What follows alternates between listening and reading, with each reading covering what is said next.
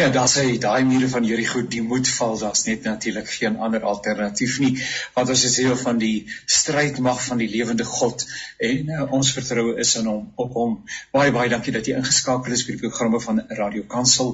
Hierdie program se naam is Perspektief. Vir 'n oombliekie so 'n bietjie tegniese probleme gehad hier aan my kant, maar alles is nou weer uh, heeltemal in orde. So ek is so dankbaar dat jy ingeskakel is. Ons gesels vandag 'n bietjie met uh, uh, sommige meningsvormers oor sake wat aktueel is. Uh die rede waarom ons 'n program soos hierdie hier by Radio Kansel akkommodeer wat meer aktualiteit bevat, is ten einde ook ons uh, luisteraars uh, in die besonder inligting te gee op grond waarvan hulle geestelike besluite kan maak. Nou hoe kan 'n ou besluit hoe bid jy? Waarvoor bid jy? Uh waaroor getuig jy? Hoe raak jy betrokke? Waar raak jy betrokke as jy nie inligting het nie? En uh, daarvoor het 'n mens ook 'n veelheid van insette nodig. En dis die hele bedoeling dan van hierdie program uh, hier op die senders van Radio Kansel om verskillende perspektiewe op die tafel te bring en uh, dan kan jy dit natuurlik binne jou eie raamwerk uh, verder gaan verdiskonteer en gaan verwerk. So dankie dat jy 'n deel is van hierdie saamdink en saam kuier dit is my baie baie lekker om te mag kuier saam met uh, professor Theo Neetling en hy is verbonde aan die departement politieke wetenskap Universiteit van die Vrystaat. Uh professor Theo, ek dink dis die eerste keer dat ons saam kuier. Baie baie dankie dat u die tyd ingeruim het. Dis uh, kan julle my hoor, Dominee Janie? Ons hoor jou, ons hoor jou mooi. Uitstekend. Nee, dis 'n dis 'n voorreg om saam met julle te wees. Baie dankie. Professor Theo, ek het uh, vir u gevra om so 'n bietjie kommentaar te lewer op 'n paar uh, nuuswaardighede en ons lewe in so 'n dinamiese wêreld, mensdom van eendag na die volgende ontwikkel daar so baie dinge.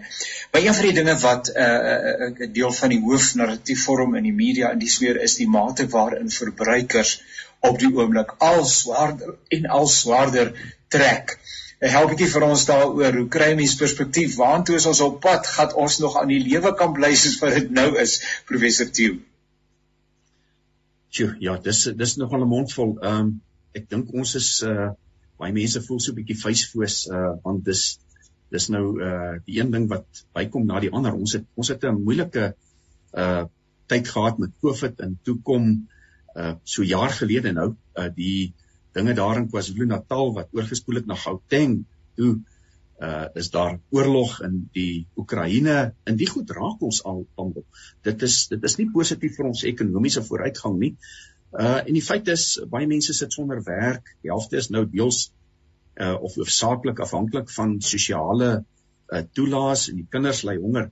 Maar uh ek wil so 'n bietjie iets oor die brandstofpryse sê want dit was ook in julle nuus item gewees. Uh en dit het ons almal nou in hierdie afgelope week geraak. Wel, ehm um, die feit van die saak is dis uh, dis dis glad nie goeie nuus vir die vir die ekonomie nie want ehm um, dinge word net duurder.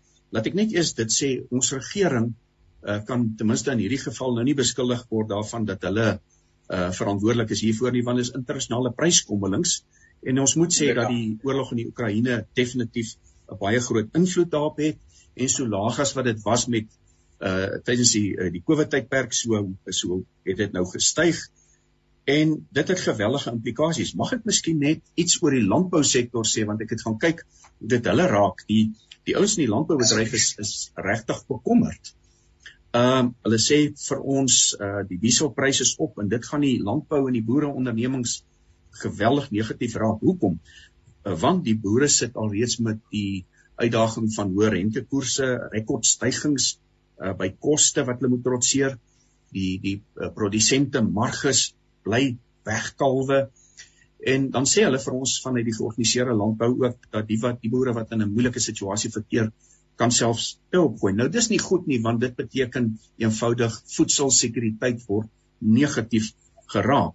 Die hele landbouketting word eintlik geraak van die saai tot die oes die verspreiding van produkte en dit wat ons nou uiteindelik op die rak kry want daai ding wat jy op die rak sien land nie net daar nie hy hy volg 'n hele waardeketting en ja, uiteindelik voel ons die pyn in my vrou wat die meeste van ons huishoudelike aankopies doen hou my gedurig op ja. hoogte en sê sjoe ja. maar die dinge is nou duur nou ek is nou in 'n bevoordeelde situasie kan ek maar sê maar die feit is daar's baie mense wat in die lae middelklas is arme mense en ek kan nie dink hoe ontsettend swaarlik kry.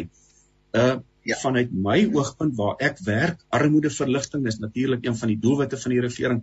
Ons kom eenvoudig nie daarby uit nie. Die armoedebevegting word geweldig moeilik en on, uh, en onder druk geplaas deur al hierdie dinge. Uh weliswaar van uit die buiteland nou soos ek sê die die die petrolpryse. Maar nader aan die werk wat julle by Radio Kansel doen, die kerke kom onder druk, die maatskaplike ja. werkers of die maatskaplike werk wat onder arme mense gedoen word, word al moeiliker, want jy moet al meer met al minder doen. Ehm um, so die druk is groter en die swaar kry is meer. Dis ongelukkig die situasie. Ja, as 'n mens maar dink um, aan die uh, Eskom sage wat nou hooplik nou afgehandel is die uh, oproep dat daar uh, aan uh, natuurlik aan die eise looneise toege uh, toegegewens gemaak sal word 7% plus ek dink 400 rand per maand wat verwysing nou aan die een kant het mense empatie uh, want ons almal is aan die kry kry swaar maar dit maak dinge net al duurder en uh, ek het in die afgelope week iewers na insetsel geluister op die radio waar iemand gepraat het oor wat 'n basiese kosmandjie kos. Ek vermoed dit was 40 of 60 in daardie omgewing van noodsaaklikhede wat 'n huishouding ehm um, nodig het ten einde 'n maand te kan oorleef. Daai basiese kosmandjie was hier in die omgewing van R4200. Uh as 'n mens dan nou dink aan uh gemarginaliseerde mense en hulle uh, die inkomste wat hulle verdien en dan het die persoon wat ook nou deelgeneem het aan daai hele navorsing gesê dat in terme van prioriteite is byvoorbeeld uh vervoer om by jou werkplek te kom is 'n hoër prioriteit teen die tyd dat die ou nou uitkom by die kos wat nodig is in die huishouding om uh, mense aan die gang te hou dan trek hy al by die derde vierde item waarvoor hy moes begroot het. Ehm um, so 'n mens wonder net ehm um, of dit nie iewers mense wil dit nie profeteer nie, 'n profetio, maar of daar nie iewers 'n versadigingspunt kom waar mense net sê maar ons kan doodgewoon net nie meer uh hierdie prysstygings op alle vlakke van die samelewing absorbeer nie. Ja, ek doen elke jaar met my studente wat ons noem so politieke risiko-analise, dan vat ek hulle deur 'n klompie veranderlikes kyk na risiko in die land. Uit veral uit 'n beleggersoogpunt, dan sê ek vir hulle as jy 'n belegger is, sal jy in Suid-Afrika belê of gaan jy kyk na die ander lande en dan waar gaan jy dit doen? En ongelukkig is dit so uh, jy noem nou Eskom Dominiani, dit is dit bly een van die geweldige groot uitdagings in die land want dis die dinamo van jou ekonomie. Dis die hartklop ja. van jou ekonomie en die ding werk net nie. Uh ons het 'n pas aangeer nodig daar lyk dit vir my. Maar ehm um, ons kom net nie daarby uit nie. Dit is goed wat voortsleep oor jare. Uh Uh ek dink dit dit dit kom nou al oor die afgelope 15 jaar. Maar die die feit van die saak is ehm um, uh ons ons sit met 'n dis soos om met 'n ou 1950 motor Kaap toe te ry teen 100 km/h. Ja. Hy gaan vir jou kort kort langs die pad probleme gee. En ek dink uh die Eskom baas Andre de Ruyter het dit min of meer ook al so gesê of of, of Jan Oberholzer. Jy sit met 'n ou ding en hy moet nuwe werk doen. So ons sal ons sal eenvoudig daarvoor oplossings moet kry. Ek is daarom bly om te hoor die ANC het gister daarna gekyk of dit nou werklik tot gevolge gaan hê. Hulle het mooi dinge gesê. Uh hernubare energie, die uh, moet inkom sterker inkom, die uh die munisipaliteite word gemagtig of is gemagtig om aanvullende krag aan te koop en al dies meer. Maar daar is soveel politiek wat by die ding bygesleep word dat dit nie altyd lekker vlot loop as dit by die implementering van die goed kom nie. Ehm um, nou ja, uh, Andre de Ruyter was onder druk, maar ek wil tog sê ehm uh, ek dink ons kan baie baie bly wees dat hy ten minste die oomblik daar is want dit gaan nie goed met uh met die hartklop hier in ons uh, in ons lyf nie as ek nou dit uh, mag uh, so mag uitdruk. Uh, professor 'n ander saak wat uh, ook in die branding is is uh, en ek het maar sommer gesê die stof wil net nie gaan lê nie. Uh rondom uh, die persoon van meneer Ramaphosa en uh die gebeure op sy wildsplaas uh en en uh, dit was so uh, resent as gister waar 'n senior ANC uh, uh amptenaar uh of 'n veteraan uh daarop aangedring het dat meneer Ramaphosa op sy sal staan en vir een of ander rede uh uh, vind meneer Ramaphosa die genade, ek weet nie of dit die regte woord is om homself te beteel en nie uh, uh, die woorde wat gebruik word om die nasie of dan Suid-Afrika in sy vertroue te neem maar hy hy kom nie daarbey uit nie en ek wonder in watter mate dit nou vir hom eintlik negatief gaan uitwerk. Ja, ek het vanoggend uh, gesien die beeld se opskrif. Hy die beeld is nou nie by ons nie, maar ek kyk hom op uh, netwerk 24 en ek het uh, geluister oor die radio oor die oor 'n ander stasie. Die hoofopskrif van beeld is Cyril loop deur onder talle fronte, aan talle fronte. Ja. Dis nou onder andere oor die stilswye rondom Palapala. En terloops, ja. uh, so 3 maande terug het ons net van Nkandla geweet. Nou weet ons van Palapala ook. Uh, so die daar was so 'n bietjie 'n klemverskywing. Ja. Nietemin, ehm um, daar is 'n gewellige klomp vrae oor hierdie saak en ek dink dis hoekom mense sê maar kom net na vore en vertel vir ons 'n bietjie meer. Want die vraag is hoekom is daar in dollars handel gedryf? Magte dis baie geld. Is die reservebank ingetrek hier by weet dit daarvan geweet? Uh, trouens die EFF wat die reservebank nou hof toe neem uh, ja, ja. die vraag is weet SARS van hierdie goed? So hier's ja. hier's hier's baie vrae. Is die president persoonlik skuldig of is dit sy die mense wat vir hom werk, sy plaasbestuurder en sy sekuriteitsbestuurder uh, daar, wie is nou eintlik die die ding? Nou moet ek daarom sê, ehm um, by sê die, die die saak gaan ondersoek word. Ons is nou almal baie ongeduldig. Maar ja. die saak sou reeds gedien het voor die ANC se ehm um, wat is daai die die werk kom met uh, die uh, ja, daai daai tydskomitee. Dis ja ja, dis ja. reg die kon toe nou nie sit nie en toe sê almal vinnig nee maar die president wil nie daar uitkom nie. En daar toe nou waagwen sê nee maar wag. Uh die onthou nou nie almal kon by mekaar kom nie. Ons moet die datum uitstel. En dan gister het die minister van polisie in 'n vraag uh in uh, in antwoord op 'n vraag in die parlement weliswaar ook nou gesê kyk die polisie ondersoek hierdie ding. Ehm um, die valke weet ons kyk daarna. So wat ons weet is dat daar ondersoeke is ehm um, maar die die die punt is ook met hierdie goed dat uh die goed die radwerk draai net eenvoudig bitter stadig. Ons ja. sien dit maar met die Zondo-kommissie ook. En ek is bevrees ons gaan nog so 'n tydjie moet wag, maar intussen klim almal in die die die die punt is net die, die, hierdie president uh het nie baie mense wat nou vir hom uh rugsteen gee nie want dis sy eie party wat geweldig inklim.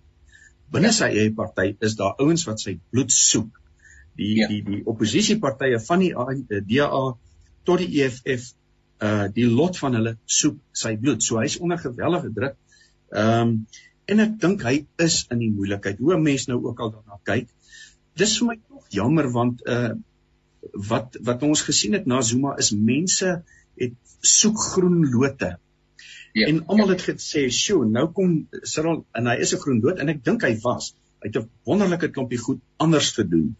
Dis ja, ja. vir my net asof hier nou 'n skadu is oor hom en dit bly ehm um, dit maak dat hy in die moeilikheid is en op die in die uh, op die einde moet 'n mens ook sê ehm um, hy het ook voete van klei. Ons het dit nou agtergekom en dit is seker nou maar terug daarna die die Bybelse perspektief wat sê moenie op die prinse vertrou nie. Uh ons het almal ons is mense en ons het almal foute en ons het maar voete van klei. Maar net laastens ek sal nie vir hom wegwens nie Want die vraag wat 'n mens altyd met so iets vra is wat dan?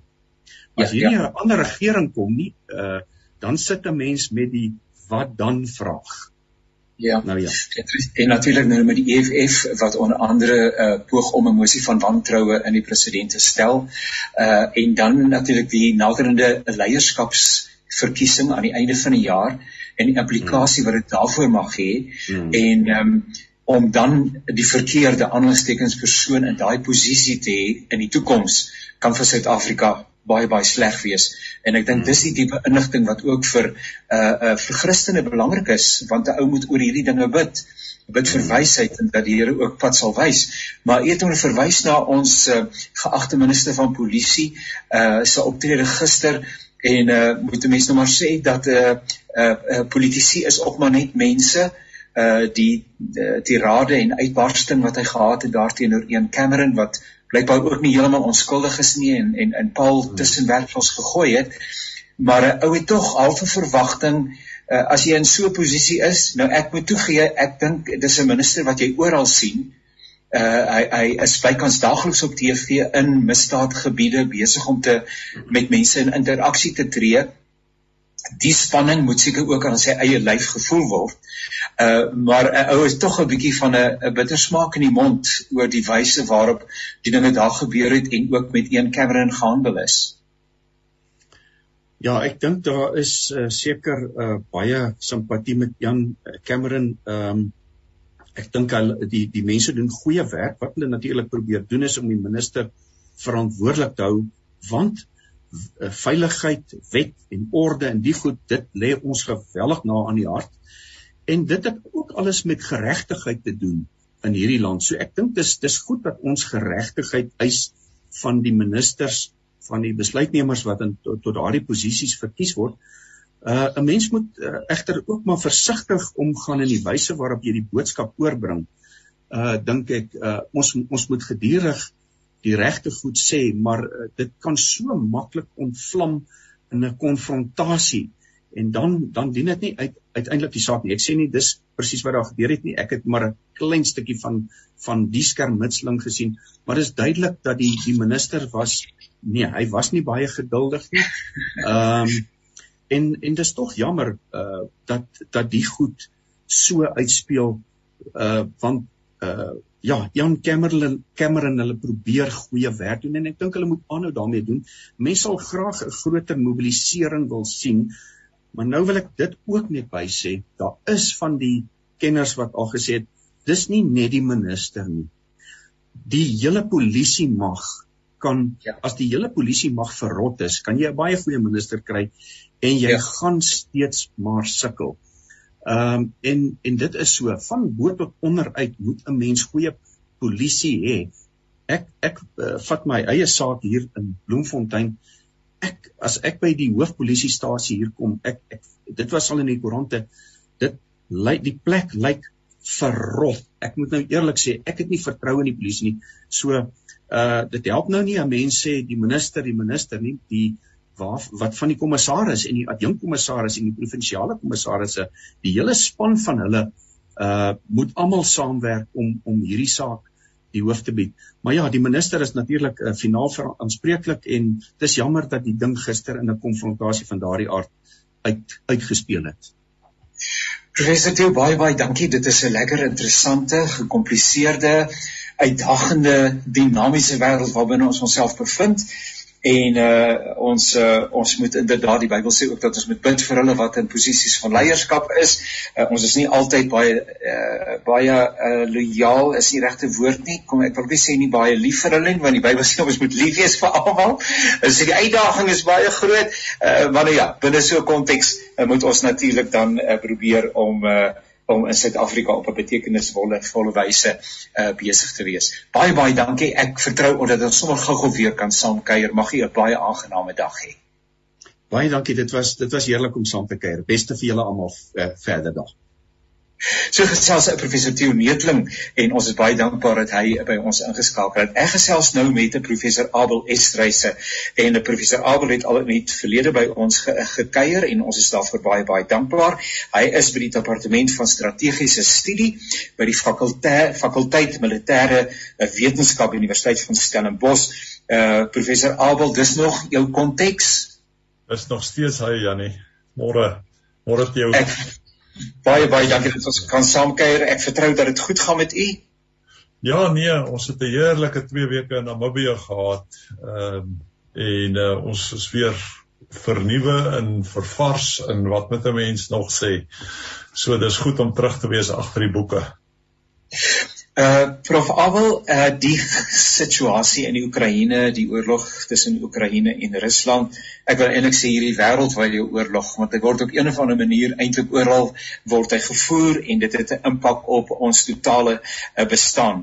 Uh wat is die die status, die huidige status met betrekking tot hierdie saak want dit mense het tog die gevoel dit gaan nou maar net aan en aan en aan en gaande weg is dit sodat 'n mens amper belangstelling verloor want daar is net weer soveel ander dinge wat op die tafel kom en jou fokus van daai ontsettende hartseer gebeure die is nou weg.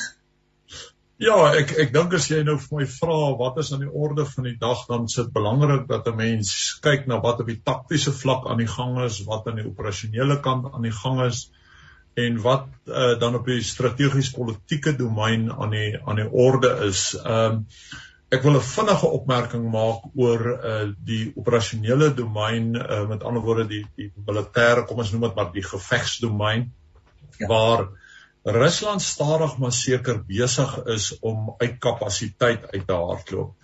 Ehm um, nou Rusland het op die stadium nog die oorhand ehm um, tot die mate toe dat Rusland op 'n baie eroderende manier voetjie vir voetjie en tree vir tree in Oekraïne inbeweeg met sy gewapende magte.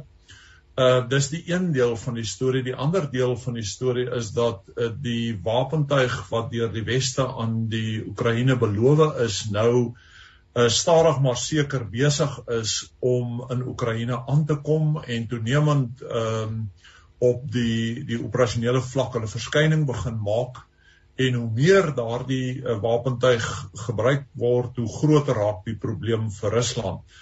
Ehm um, ons het die afgelope week gesien dat Oekraïne doen twee goed baie interessant. Die een is om 'n uh, 'n takties terug te trek. Met ander woorde om te voorkom dat hulle magte vasgevang word in omvleuelingsbewegings waar die Russe hulle kan kan uh, vernietig. Hulle hulle trek baie strategies terug om te voorkom dat hulle vernietig word. Dis nogal die een aspek wat wat mense hierdie week gesien het. Die ander aspek wat ons hierdie week gesien het is hoe die Oekraïne nou begin om in die Russiese agtergebiede in te beweeg en dit lyk vir my en dit wil voorkom asof hulle uh, baie duidelik ingestel is op die vernietiging van ehm um, die Russiese wapenopslagplekke met ander woorde om nie die wapentuig te vernietig nie maar om die die ammunisie te vernietig waarmee hulle ehm uh, en en ammunisie is 'n baie ehm um,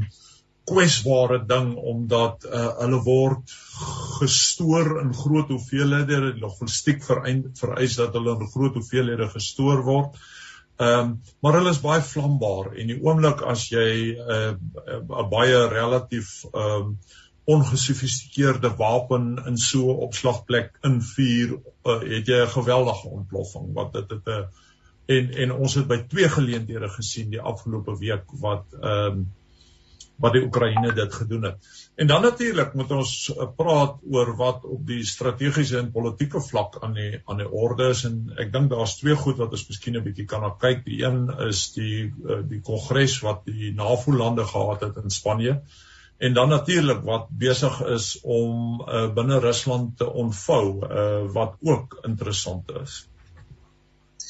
Dis baie interessant wat u sê uh, dat ehm um, en en asseblief ekskuus ek het u onderbreek, maar wanneer ehm um, byvoorbeeld die weste by monde van uh, sê maar byvoorbeeld Amerika 'n uh, wapenhulp ondersteuning beloof het, dan het 'n ou half in jou eie kop die 'n uh, baie baie uh, naïewe beeld dat môre is die wapens in Oekraïne en kan hulle dit dadelik gebruik en iets in die begin te sê maar uh, daai hulp kom eintlik nou eers daaraan uh in 'n sekere ja, sin ek ek ja. dink daar's 'n mens met drie punte maak daaroor Janie. Ek meen dit dit vat maar geweldig tyd om dit op skepe te laai, om dit oor die Atlantiese Oseaan te vervoer, ehm um, om dit op treine te laai in Wes-Europa om dit te vervoer tot waar dit ehm um, in die Oekraïne self is. Dis die eerste aspek. Die tweede aspek is dat uh al hierdie wapentuig wat gegee word vereis dat soldate opgelei moet word uh daarin want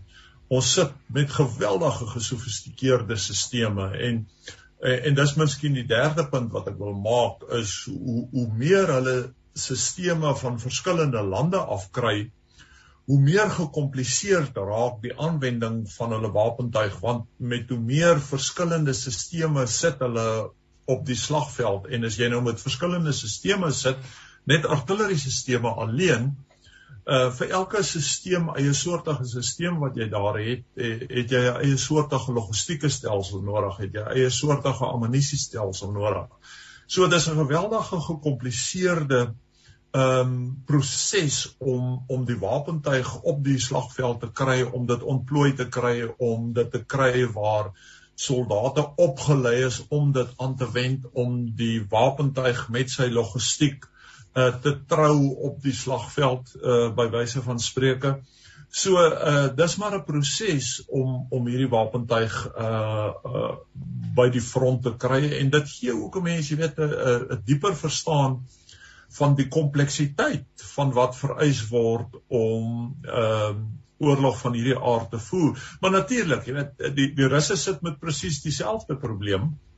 Ehm um, en aan die Russiese kant het ons die afgelope paar weke gesien dat hulle toenemend in in hulle voorrade in Delf wat kom uit die uit die hart van die Koue Oorlog. Hulle is regtig uh uit voorraad uit met hulle met hulle gesofistikeerde meer meer moderne wapentuig en hulle maak toenemend meer van as ek nou kan sê dom wapentuig area wapens uit die uit die Koue Oorlog uitgebruik waar hulle letterlik stede platvee met artillerie. Ehm um, dis amper half uh wat hulle in die Tweede Wêreldoorlog na verwys het as carpet bombing. Ehm um, ja. en en hoe die geallieerdes in die Tweede Wêreldoorlog, jy weet, uh, Dresden en ander stede in Duitsland met met carpet bombing uh platgeveet en en ons sien daar dieselfde ding aan die ontvou in uh in die Oekraïne van vanaf die Russiese kant. In terme van ehm um, die res van die wêreld se belangstelling in dit wat daar gebeur en die ondersteuning wat daar vir van baie oorde af vir die Oekraïne is is is daardie entoesiasme nog net so sterk of uh, raak mense ook maar weer betrokke by huishoudelike uh aangeleenthede wat maak en sê maar luister ons moet daarom ook net die suurstofmasker op ons eie gesig hou. Ja, ek ek dink daai vraag is is 'n baie belangrike vraag uh en om 'n verskeidenheid van redes. Die een is natuurlik dat die nuusmedia uh geneig is om baie vinnig van van een fokusarea na na 'n ander toe aan te beweeg. Dis die een aspek. Uh, die tweede aspek ehm um, veral in Wes-Europa uh, is hulle toenemend aan die ontvangkant van tekorte en veral wat gastekorte aanbetref en en ander hulpbrontekorte en natuurlik die ons voel dit ook uh in die brandstofprys in in Suid-Afrika. Ehm um, wat die wat die olieprys uh eksponensieel opgejaag het. Ehm um, so so daar dat dit raak regtig 'n uh, 'n uitdaging omdat uh die die res van die wêreld ook nou blootgestel word en toenemend onder druk kom ehm um, as gevolg van die tweede en derde ripple effek en uitkringende effek van die oorlog uh kospryse dink ek gaan in die volgende paar maande veral wat ehm um, graan, broodpryse en die tipe van goed aanbetref gaan gaan geraak word. Ehm um, ja, vir my die interessante vraag hierdie Annie is natuurlik tot watter mate toe aan die Russiese kant, jy weet, uh, ook die die gevolge van die oorlog begin uitspeel en Ek het vanmôre toevallig gesien hoe daar 'n senior Russiese ehm uh, ehm uh, mense ehm um, deur die die Putin administrasie in hegtenis geneem word. Ehm um, senior besigheidslei wat dood eenvoudig dood aangetref word in hulle swembaddens en ander plekke. So daar's ook 'n baie baie sterk ehm um, jy weet dinamika wat besig is om om uit te speel aan die Russiese kant. En ek weet dat jy weet daar was sterk ondersteuning in baie kringe in Suid-Afrika vir die vir die Russe en dat daar 'n saak uit te maak is. Jy weet of hulle wil 'n saak uit te maak dat dat Rusland 'n legitieme ehm uh, saak het wat die Oekraïne aanbetref ek ek is ongemaklik met daardie met daardie benadering maar ek weet daar's mense in Suid-Afrika wat baie sterk voel oor die Russiese ehm um, uh oorlog uh wat hulle sien as 'n legitieme oorlog. So daar's ook in die in die Russiese kant besig uh en ek wil maar net die punt maak uh, die die Russiese uh, aan die Russiese kant is daar ook interessante ontwikkelings wat die oorlog toenemend vir hulle 'n uh, ongemak skep in hulle samelewing, net soos in die weste. Net 'n laaste vraag uh, professor Abel, um, ek dink maar sommer hardop, hoe lank kan juis omdat ehm um, uh hierdie hierdie oorlog uh internasionaal so geweldige rimpel effek het en impak het in terme van oliepryse uh, uh brandstof met name uh en ook voedselpryse ensovoorts ensovoorts hoe lank kan die wêreld die oorlog akkommodeer? Uh dat ja, daar 'n enige punt kom waar waar waar mense net sien en nou het die prys vir ons te duur geword.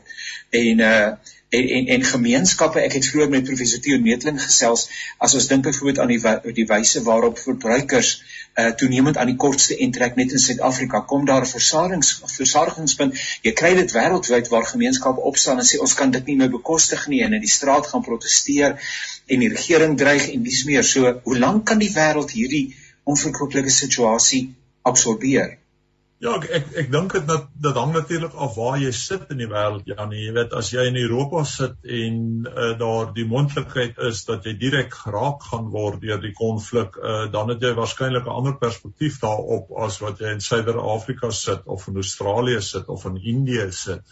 Ehm um, maar maar kom ek kom ek praat oor Europa, jy weet, uh, ons het in die afgelope week eintlik gesien by die uh, die kongres, die NAVO kongres in in Spanje waar hulle groot hoeveelhede geld bewillig het vir vir wapentuig uh, waar hulle gepraat het oor Europa se uh, uh, herposisionering ten opsigte van hulpbronne om gas en ander hulpbronne uit Israel en Afrika en ander plekke aan te koop. Uh en dan natuurlik moet mense in gedagte hou, jy weet dat dat uh, Finland en Swede se se toelating tot ehm uh, NAVO geweldige strategiese gevolge gaan hê vir Europa, jy weet dit het 'n 1000 km grens toegevoeg waar oor Rusland om moet bekommer. Uh ehm um, dat dit 'n 1000 km grens toegevoeg waar 'n uh, NAVO onmiddellik besluit het ek dink die die getal wat hulle genoem het is 40000 soldate wat hulle met onmiddellike effek gaan ontplooi daar. En natuurlik jy weet daar's die Baltiese See waar die Russiese Bal Baltiese vloot ehm uh, nog altyd teenwoordig was en moet Swede en Finland se toetrede tot NAVO het dit vir NAVO amper volkomme beheer gegee oor die Baltiese See en hulle het eintlik uh, Rusland se water en lugte wat sy Baltiese vloot aanbetref uh, afgesny. So weet daar's daar's uh, in Europa uh, sonder twyfel word daar elke dag in wil amper sê in elke huishouding uh gepraat oor oor die oorlog in die Oekraïne om 'n verskeidenheid van redes uh omdat hulle waarskynlik die naaste aan die vuur sit en die die hitte ervaar van wat daar aan die orde is. Maar jy weet, ons hoef dood eenvoudig na ons brandstofprys te kyk. Ons hoef dood eenvoudig te kyk wat in ons ehm um, wat in ons winkels aan die orde is in terme van kospryse en tot 'n groot mate toe kan ons dit toeskryf in aan wat in in Oekraïne aan die aan die gebeure is. So Oekraïne gaan homself, ja. wil ek amper sê, aan ons opbing of ons nou daarvan hou of nie, hy gaan homself op die ja. agenda ja. hou vir vir die afsienbare toekoms. Ek dink dit is die belangrike punt om te maak.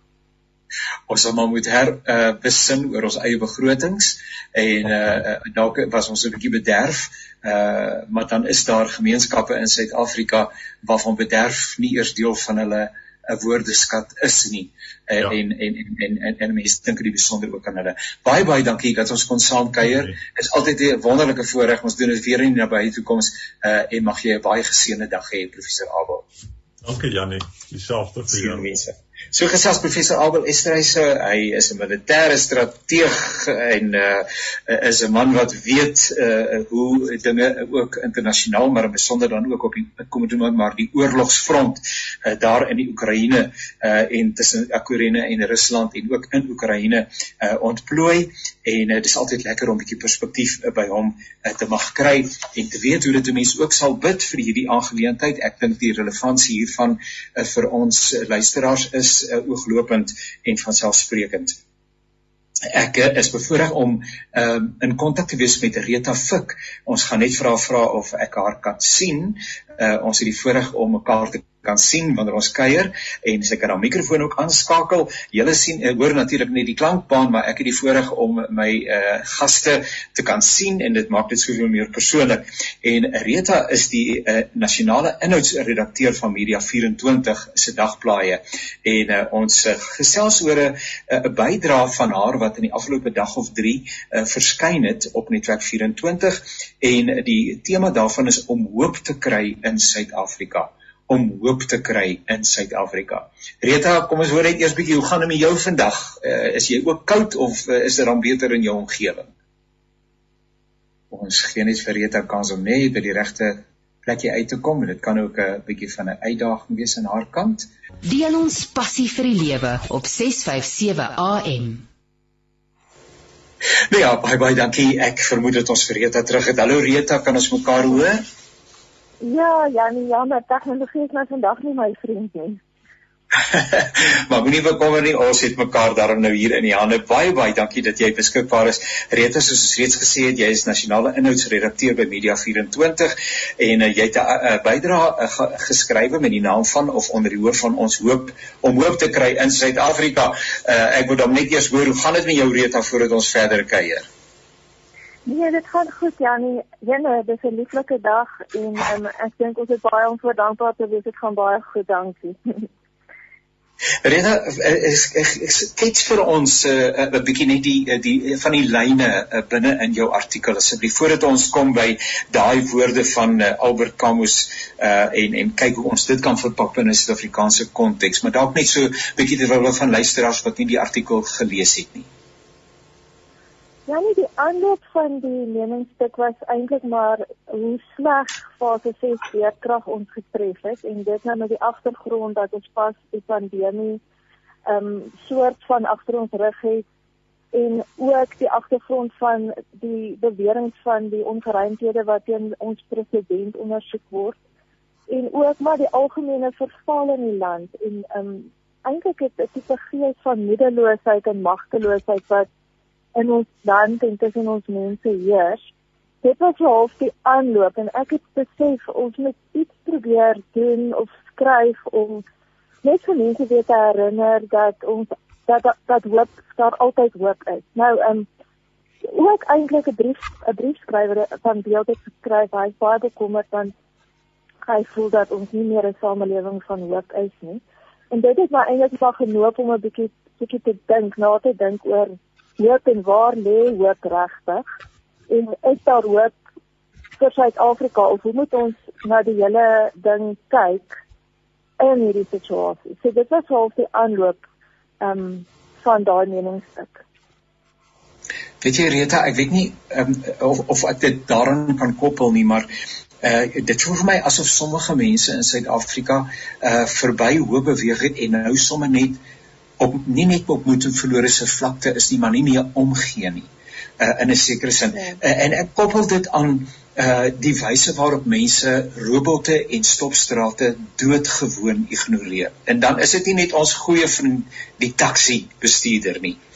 Maar ja. ehm ja. um, uh, en veral as uh, die die die krag nou af is en uh, ons gevriend Eskom vir ons in die steek laat of vir ons se beurt gee om 'n bietjie net weer waardering te hê vir die feit dat ons soms wel elektrisiteit het en die robotte is uit dan ignoreer mense doodgewoon net die goed.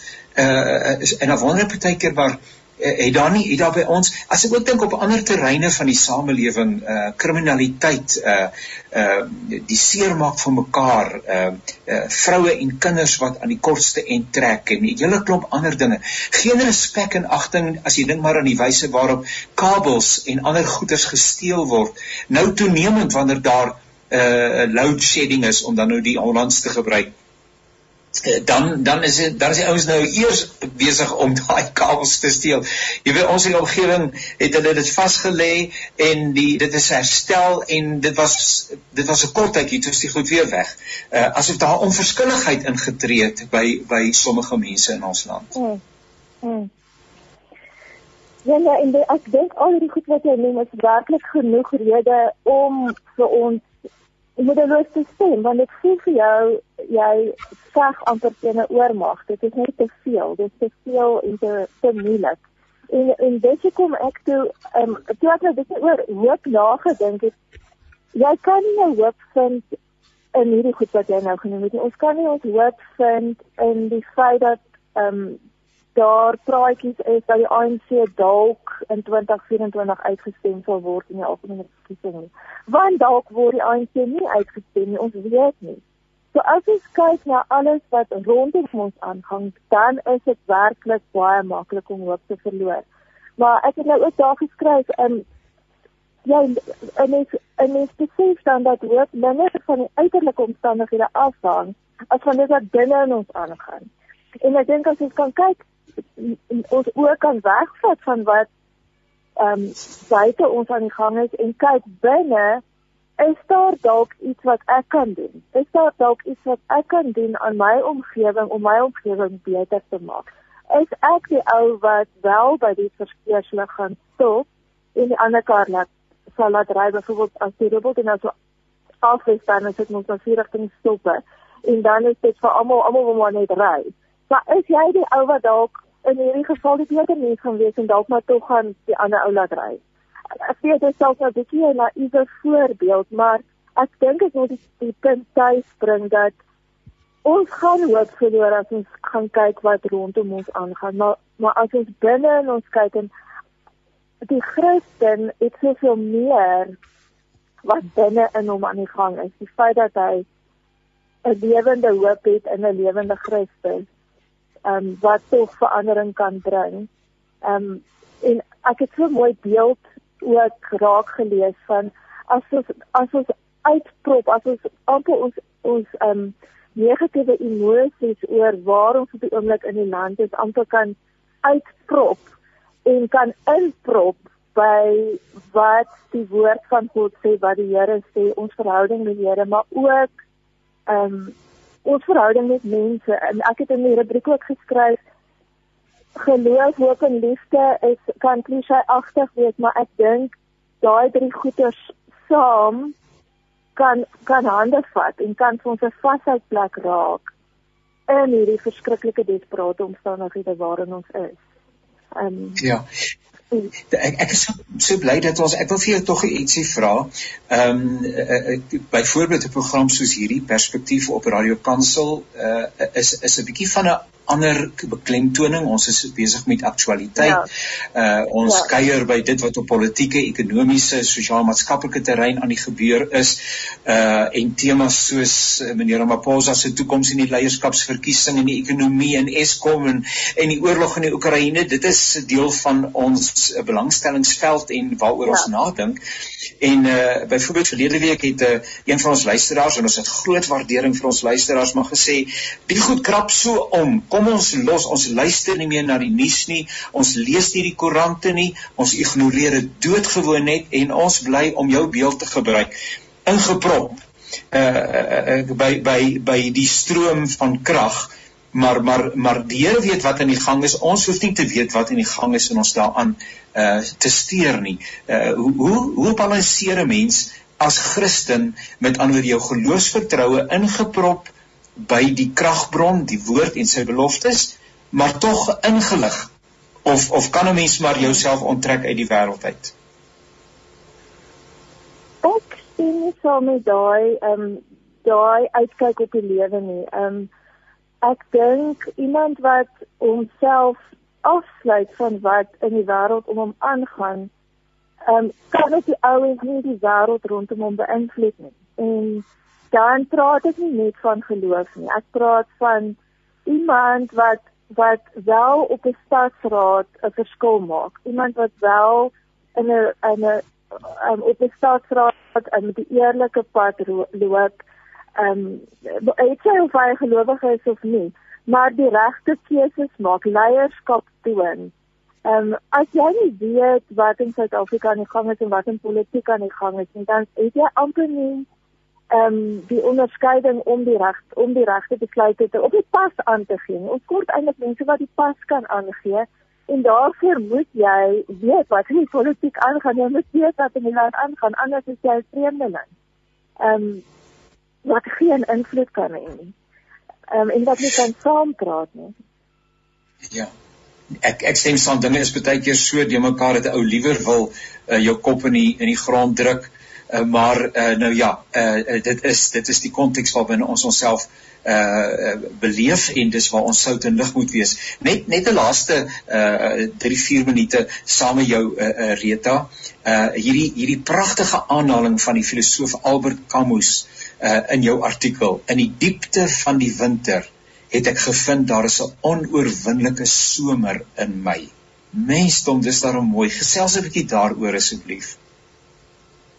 Ja, ek dink dit vat eintlik nou saam wat ons nou oor waaroor ons nou gepraat het in baie baie mooi woorde. Dit is werklik baie mooi woorde. Ek dink 'n um, ou kan altyd 'n ou kan altyd fokus daarop om hoop te hê as jy kyk hoe jy jou jou lewe, jy jou omgewing ehm um, kan beïnvloed. En ehm um, hoe jy mense kan deur jou leierskap kan ehm um, oortuig om om die regte goeders te doen. Ek dink in ons land sien ons soos wat jy vroeër aan die begin van hierdie intensiteit gesê het, ehm um, as jy kyk hoe verskriklik amper die morele ehm um, daar is nie meer vir mense reëls nie. Hulle gee nie meer om nie. Maar as ons as as ons die lig kan wees en weer eens dit is nou nie uit 'n uit 'n geloofsperspektief te wees nie. Dit kan ook uit 'n geloofsperspektief wees, maar as ons die lig kan en die rigting kan aandui, um omdat ons die regte paaie kies en nie die paaie van korrupsie kies nie. Dan dink ek kan daar in jou hart hierdie onoorwindelike somme wees. Hierdie ding van ek het die regte ding gedoen. Ek um het wat binne in my, ek maak 'n verskil waar ek is en die die omstandighede gaan my nie onderkry nie. So waar ek het eh, ek ek hanteer 'n daaglikse dagstukkie en ek het in die afgelope week geskryf oor die uitlating van mense genoeg is genoeg en genoeg is genoeg het gewoonlike adres dis die munisipaliteit dis Eskom dis die regering die ANC uh dis uh, da, maar wat van die genoeg is genoeg uh aan my eie adres gerig my eie onbetrokkenheid uh Ehm um, en en 'n klomp dinge wat daarmee saamhang. Uh wat is die rol wat ek moet speel om Suid-Afrika 'n beter plek te maak? En ons is so dankbaar vir die media uh met name Netwerk 24 en baie ander uitdrukkings van die media wat vir ons as Christene ingelig hou ehm um, sodat 'n mens op 'n betekenisvolle en 'n uh, uh, uh, uh, op 'n uh, wyse wat getuig van integriteit as Christen kan deelneem uh, aan dit wat rondom jou uh, gebeur. Sommige net die laaste woord Rita, jou werk as nasionale inhoudsredakteur by Media 24. Wat beteken dit? Wat moet jy doen? Want dit klink na 'n verskriklike klomp werk. Ehm um, dit gaan oor ehm um, maar die die die die verwerking en die verpakking van die nuus vir die dagblaaie. Dit is 'n Media 24 het nou nog die beeld ehm um, of beeld die ehm um, Volksblad en die Burger.